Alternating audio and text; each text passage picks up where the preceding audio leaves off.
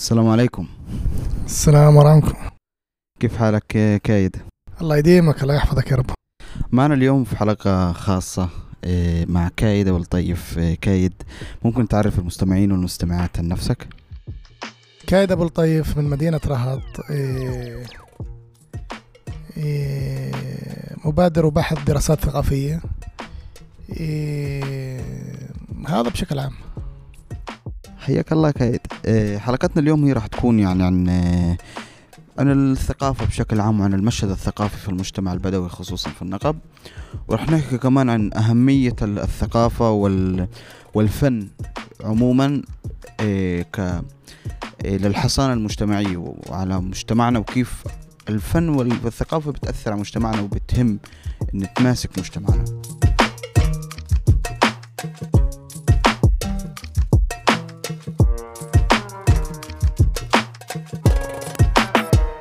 أول سؤال هو يعني ممكن تعرف وتعطي آه، زي خلفية على الحصانة المجتمعية وقديش شيء مهم لمجتمعنا اليوم كمجتمع اللي هو عايش في ظروف آه، سياسية اللي هي مش مش بالضبط عادية أو طبيعية. الحقيقة هذا مجال واسع ويعني والحديث عن الحصانة الثقافية هو حديث آه، ذو شجون كبير. ال- المجتمع العربي البدوي في النقب يمر بأصعب وأحلك الظروف. والآن دورنا كمبادرين في إيه، في الحقول الثقافية والفنية والإبداعية. وين دورنا إحنا إيه، كأبناء لهذا المجتمع؟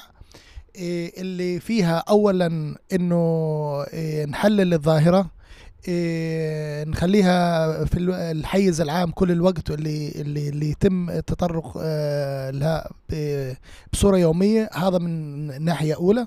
من ناحية ثانية إحنا كمواطنين في هذه الدولة وين إيه، دور المؤسسات الحكومية اللي تدعم إيه، هذا الحراك؟ لأن آه، يعني في الغالب وهذا يعني صراع مرير آه، لنا آه، مع المكاتب الحكومية وخصوصا مع وزارة الثقافة على مدار السنوات إن آه، مسألة الميزانيات هي مسألة اللي هي كل الوقت إحنا في حروب معها. إيه، فبنشوف إن وين ما في حراك ثقافي وين ما في وعي إيه، لا ال- ال- مجال الإبداع ال- ال- المحل اللي بيكون موجود فيه بيكون آه، الناس بتكون في في حالة وعي أكبر. الناس آه، بتقدر تعبر عن آه، همومها إن كان في مجال الكتابة الإبداع في ال- الإعلام في ال- المسرح في السينما في في الفنون التشكيلية. فأنت كل ما يعني الواحد بيكون مكشوف هذول الأشياء قديش الأمور هذول كمان للمواطنين نفسهم إنه هذا بيعزز هذا إيه، تعزيز صمود. يعني ال- الفن هو مش جاي بس عشان يعزز صمود الناس الموجودين إنما يسرد روايتهم مش بس للسكان المحليين إنما لعموم البلاد للعالم. يعني زي ما بنشوف إن في كثير آه، أعمال اللي طلعت من النقب.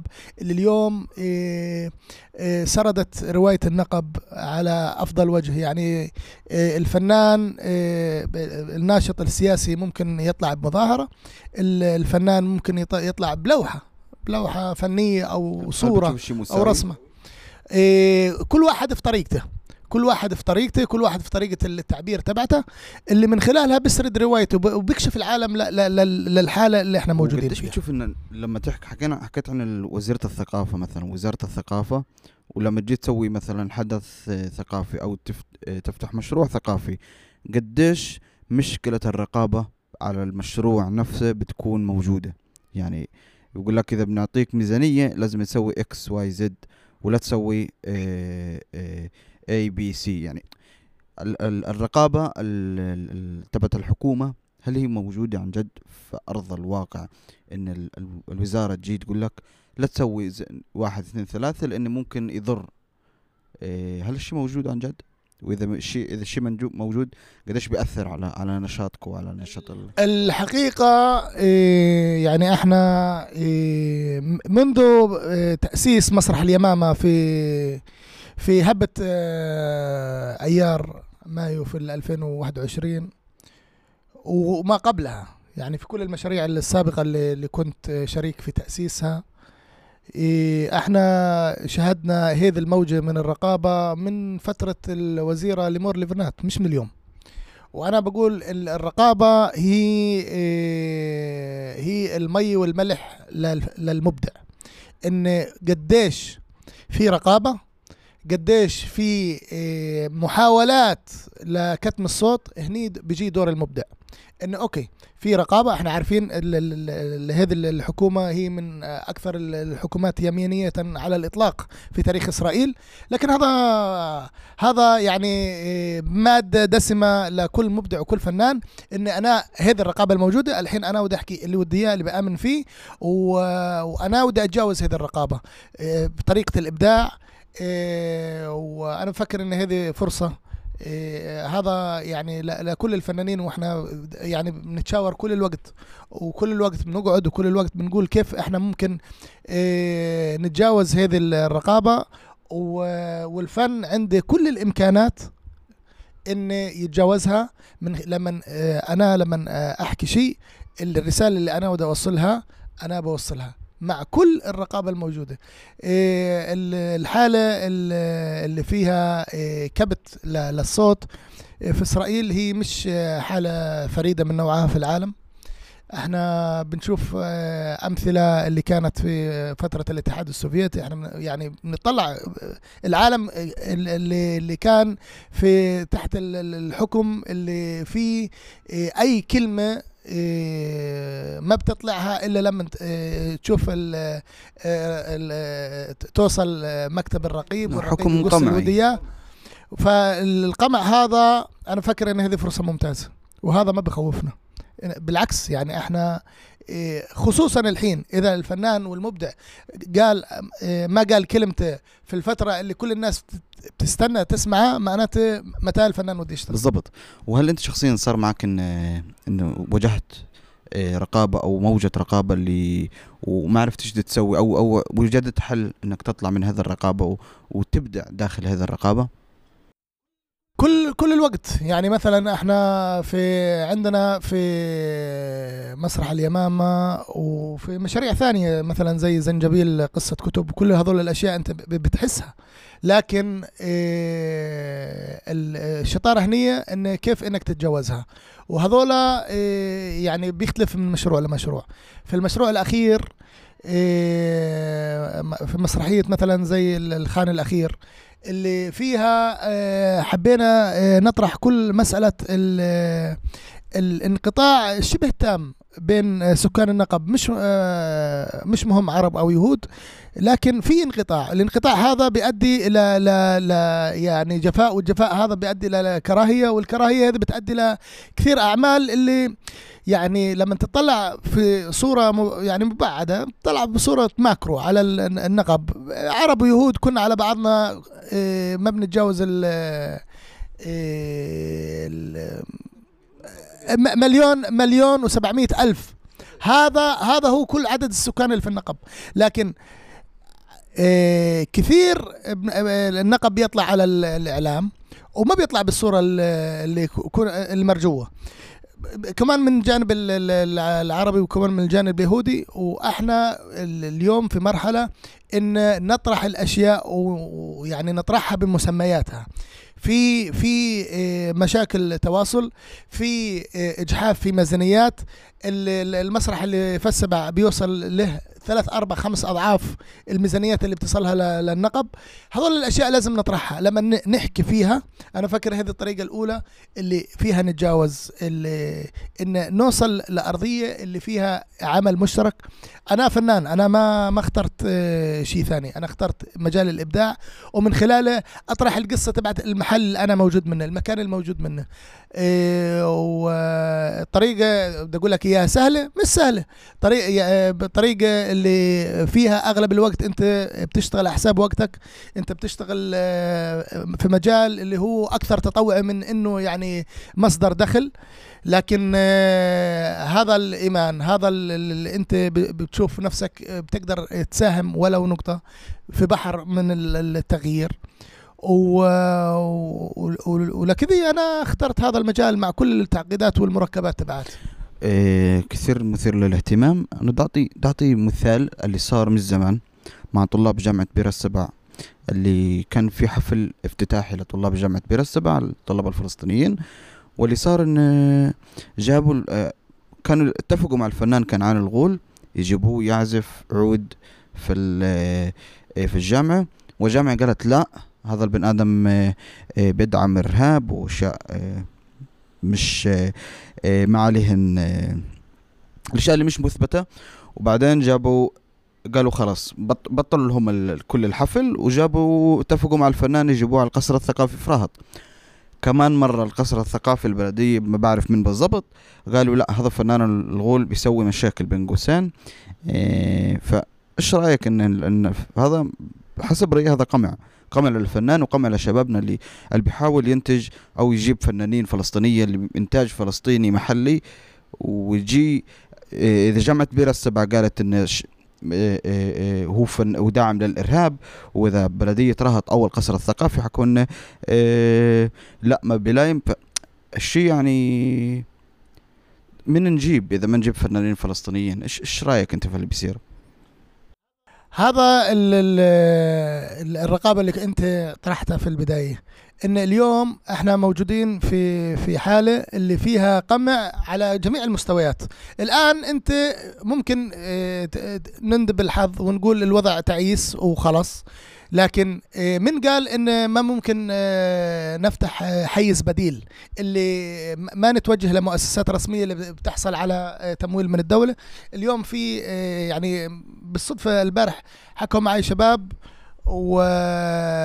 وشباب جامعيين أو الانهوا ال- فتره ال- ال- الدراسة الأكاديمية تبعتهم واليوم هم بيفتحوا حيز بديل حيز ثقافي اجتماعي لطلاب أكاديميين اللي هم آه، لا يعتمدوا أساسا يعني أول شيء بيقول الدعم الحكومي ما ودنيه هذا بفكر إنه أهم شيء.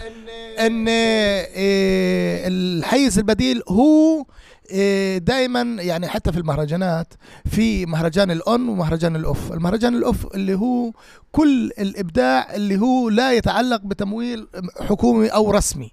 فعادة الإنتاج تبع الأوف بيكون أحسن من تبع الأون ف إيه، في النقب عندنا في إيه، يعني سكان العرب البدو تجاوزوا الربع مليون وأنا بفكر إن هذه فرصة ممتازة إن ال- الحيز البديل هذا في في له في, في له المكان تبعه في له الجمهور تبعه. الآن نستنى واحد يفتح لنا ال- الحيز البديل. ما حد راح يفتح ما حد فاضي لحد إذا إحنا ما أخذنا زمام المبادرة وما أخذنا إيه إيه يعني مسؤولية على على الواقع تبعنا ما حد راح يغيره. على يعني أجيب لك على سبيل المثال أنا بشتغل شغلي هو أكثر مبادرات. اليوم تطلع على رهط كأكبر مدينة عربية في المجتمع العربي وهي حاضرة ال- الجنوب والعدد تبعها تجاوز الثمانين ألف نسمة. يعني مثلا في ال- البلدات اليهودية وما ما ودنا نبعد كثير فالسبع. عندك كل مركز تجاري في إيه، في التخطيط تبعه بيكون إيه، متجر إيه، تسومة سفاريم وقبالها ستيماتسكي متاجر الكتب. هذا ال- الشيء مش موجود عندنا. يعني مثلا أكبر مدينة عربية في المجتمع العربي ما فيها متجر كتب واحد. إيه لما في قبل آه، أربع أسابيع لما تم افتتاح ال- السوق البدوي في في رهط أنا قلت داخذ على حالي مسؤولية وداخذ أنا يعني إني أقول إني والله وضعنا تعيس ومش عارف إيش وما في عندنا كتب ما بكفي. صيحنا صيحنا بما فيه الكفاية. الحين وين المبادرة؟ فأطلقت مبادرة زنجبيل قصة كتب اللي فيها زي ما آه، جري بيجي ببسط في في, البضاعة تبعته. اللي بيجيب خضرة واللي بيجيب الهدوم. أنا جيت وفتحت بسطة لكتب. كتب بالعربي وبالعبراني وبالإنجليزي وبالروسي ولا- لا لكل الزوار. فهذه مبادرة آه، غير مربحة بتاتا يعني. لكن أنا لما آه، آه، أشوف شغلة ومش موجودة. وأنا كثير حاب أكون يكون موجودة. يعني أنا بكفني في ال في ال في السوق إني أذوت في ذهن ال- ال- الطفل انه يتعود من مصغره انه لما كان يلفلف مع أبوه. أما في السوق شاف كتاب. كان يشوف بس يش- يشوف كتاب ويمسك كتاب. وفي بجيب معي حلويات ومش عارف إيش وبحكي لهم قصة. لأن جاي كامل من مجال ال- المسرح والقصة القصيرة فأنا بحكي لهم قصص وهذا. ف هذا إيه، إيه، مسألة ال- المبادرة إيه، مهمة جدا لأن إحنا مجتمع فتي مجتمع اللي, اللي, ما عندنا كثير موارد. في النقب إحنا ما عندنا موارد إيه لا عندنا بترول ولا عندنا ذهب ولا عند لكن المورد الحقيقي هو الشباب. والشباب هذا مورد اللي لازم عن جد نستغله. وأنا بفكر إن اليوم مجالسنا أدركوا هذه الشغلة. اليوم كمان يعني مثلا إيه، بنشهد في إيه، يعني المثال اللي دائما أنا بريد أستخدمه في القسوم اليوم ال- إيه، مديرة المركز الجماهيري في القيسوم هي سيدة. اليوم حتى كمان الوعي. اليوم مديرة القسم الثقافة والفنون والإبداع في القيسوم هي سيدة. هذا يعني اليوم كمان ال- التنوع الجندري الموجود في النقب هذا شيء اللي عن جد. أنت بتقول إن التغيير موجود ما بكفي شوي شوي لكن إحنا. على طريق شوي شوي بيصير الصراحة التنوع الجندري كمان خصوصا في ال في ال في, ال في المحلات المهمة اللي بي- بينوخذ فيهن قرارات. إيه، قبل 15 سنة ما كان في زي ممكن 20 سنة ما كان في إيه، نساء في محلات زي هذول. فبنشوف اليوم إنه أكثر ومهم جدا. وكمان الشيء اللي هو حكيت أنت قديش الشباب إنهم متعطشين للثقافة. لأشياء آه، بديلة اللي هي مش تحت رقابة بتصير في مجتمعنا. نفكر إن إحنا زي ما قلت أنت تعدينا الربع مليون آه، مواطن عربي بدوي في النقب وفي تعطش هذا بس ما في شيء ما في- تعطش وين يطلع.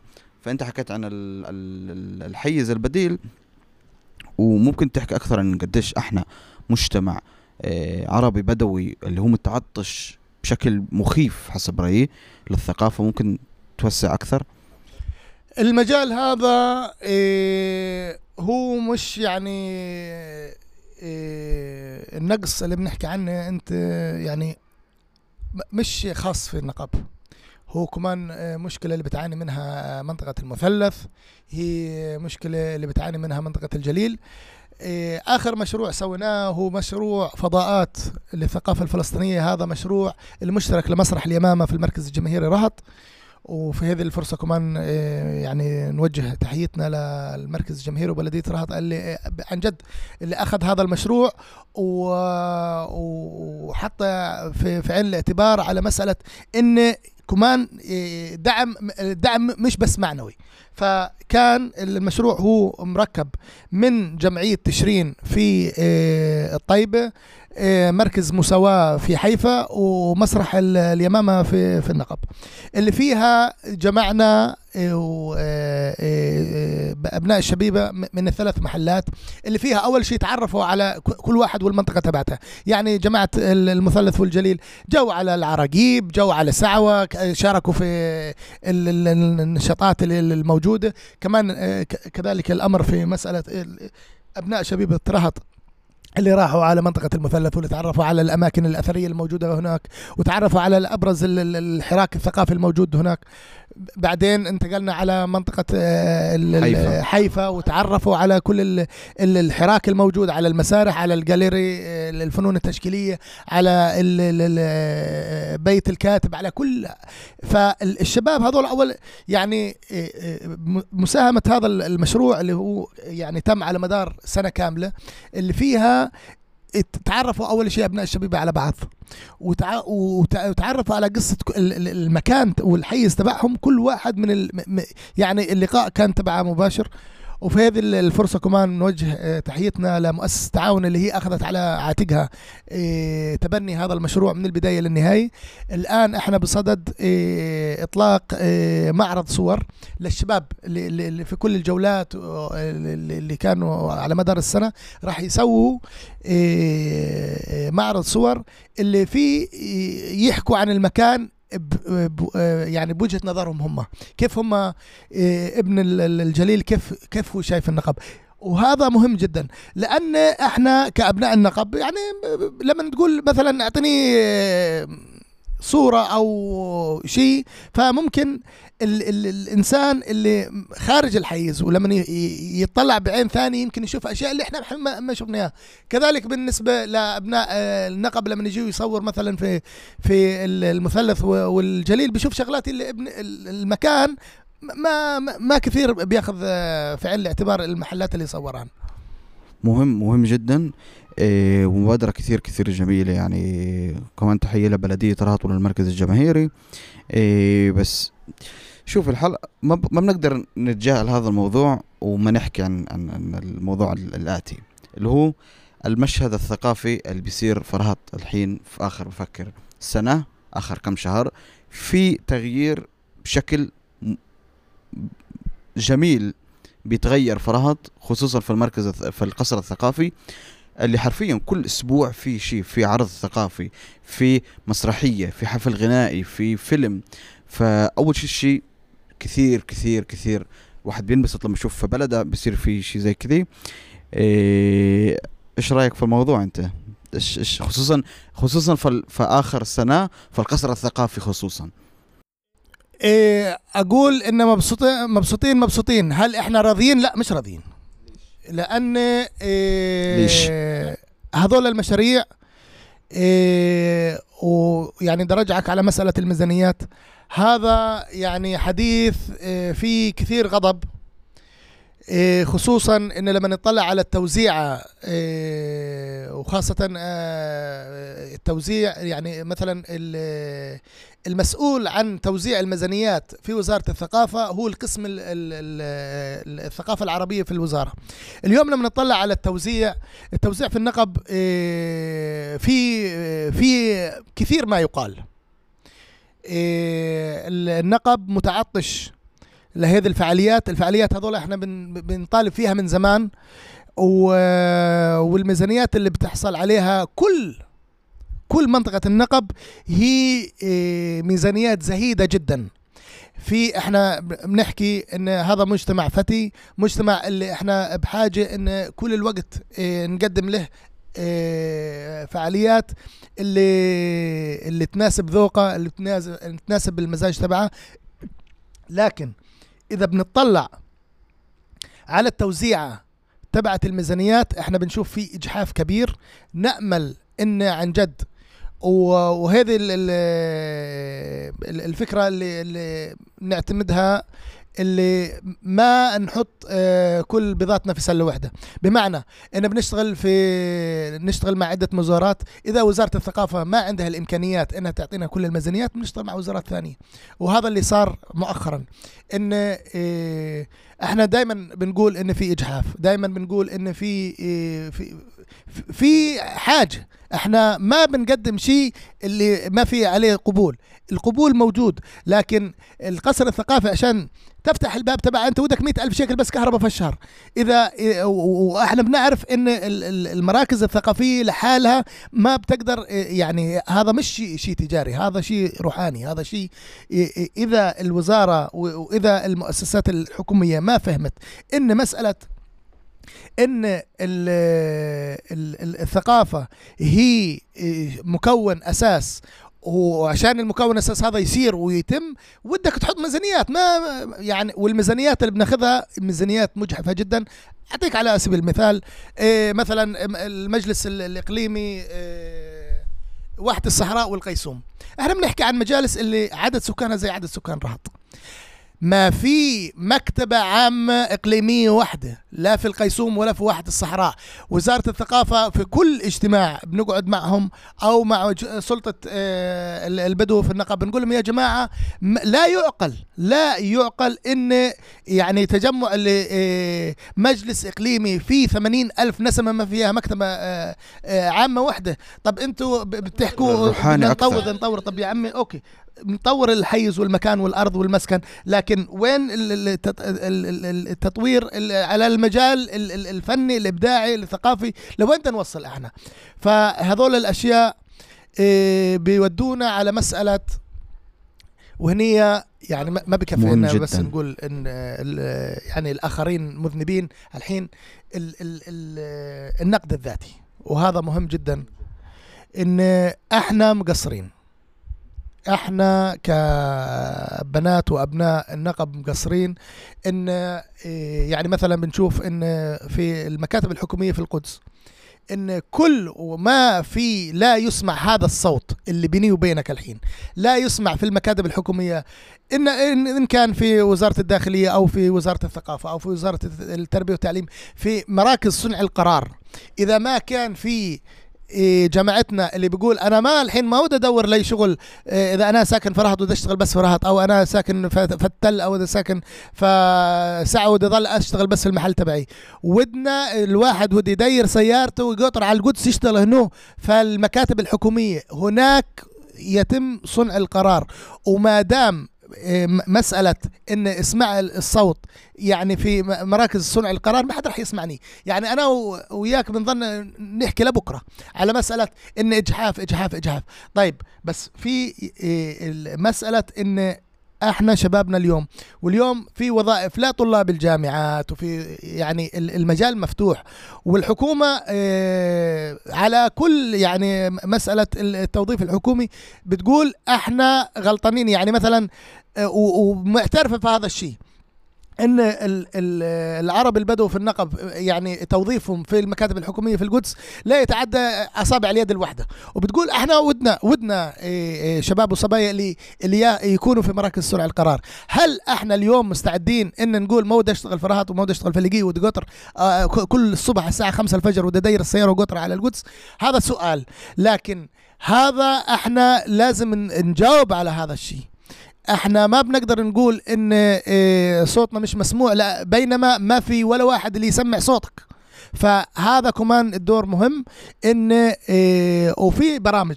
يعني في برامج آه، جسور اللي اليوم يعني هو بصدد افتتاح الفوج الثالث إيه، اللي هو بالتواصل يعني مع معهد النقب أجيك مع المكاتب الحكومية إن شباب أكاديميين اللي أنهوا اللقب الأول آه، وهم معنيين يشتغلوا في المجال بديل اللي العام هو مثلا إن بعطي مثال المجال. حي من الواقع اللي هو حراك صدى حراك صدى اللي هو حراك طلابي اللي أنتج عن طريق طالبات بدويات اللي بيشتغل في القدس في رام الله وكمان في النقب آه، اللي هو مش مش مش موجود في أي حكومة ومش ومش معني يكون جزء من الحكومات كمان بينتجوا فن فمشكلة إن إحنا كل الوقت بنحكي إن ما في ما في كمان ممكن اللي مش حابب يكون جزء من الحكومة الإسرائيلية يشتغل في مكاتب للحكومة الإسرائيلية بينفع تسوي فن وتسوي إبداع خارج الحكومة الإسرائيلية خارج ال- ال- ال- المكاتب آه، آه، آه، الحكومية.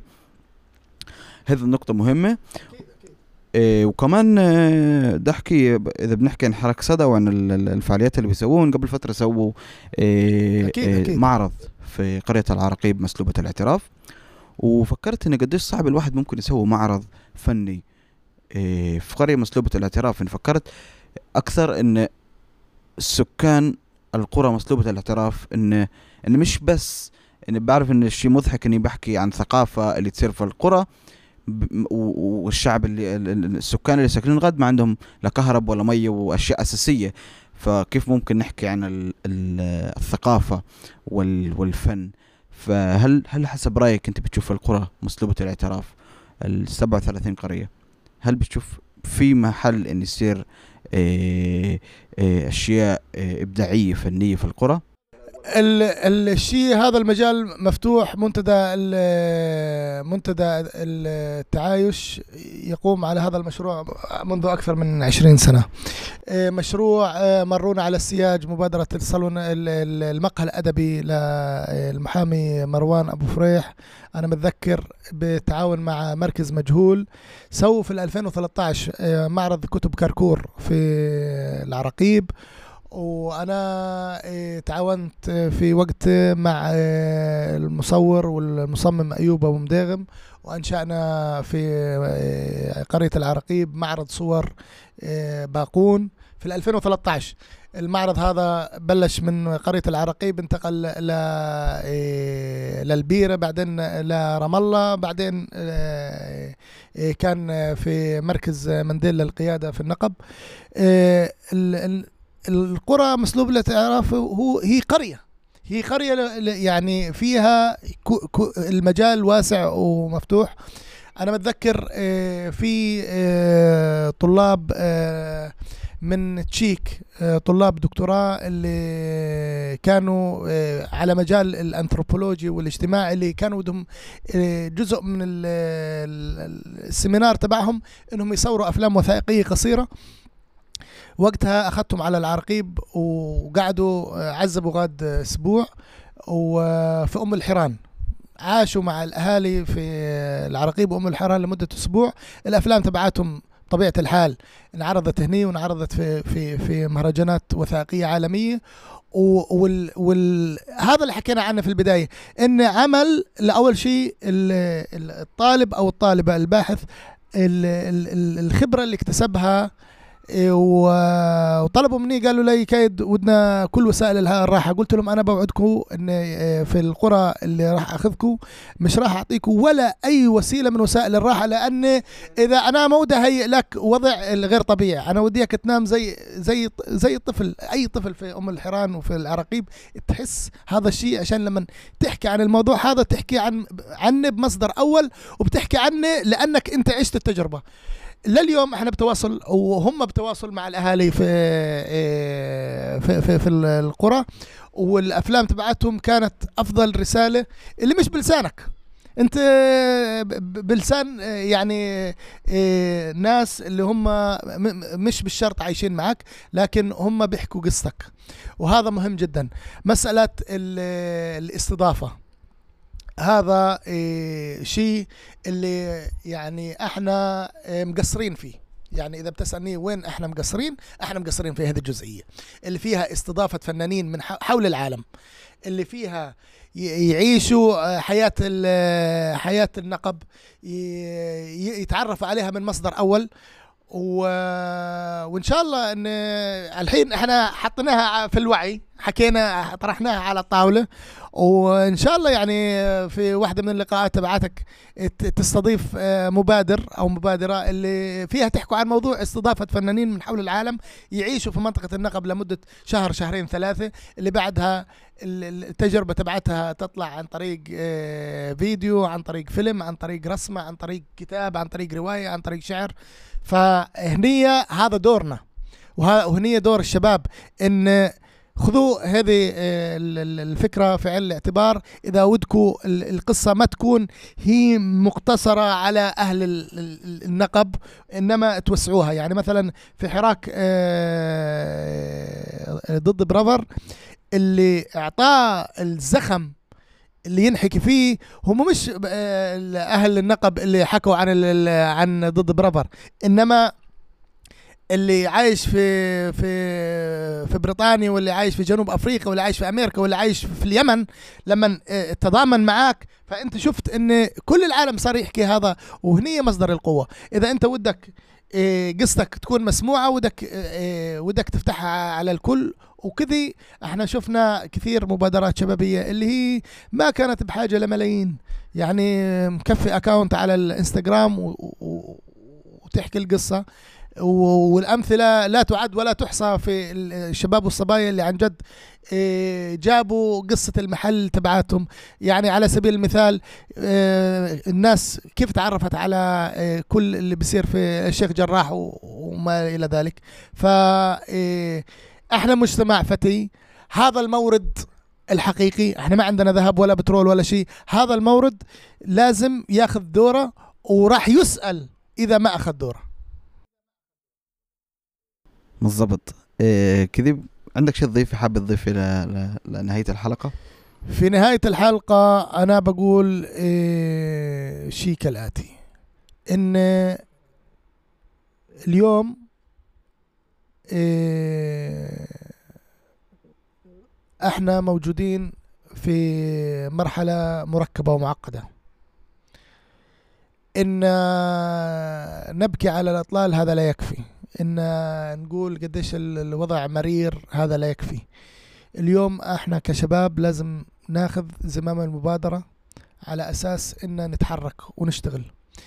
ال- المجتمع الفتي المجتمع ال- ال- ال- ال- القوي هو اللي بيحط إيه، شباب في عين الاعتبار.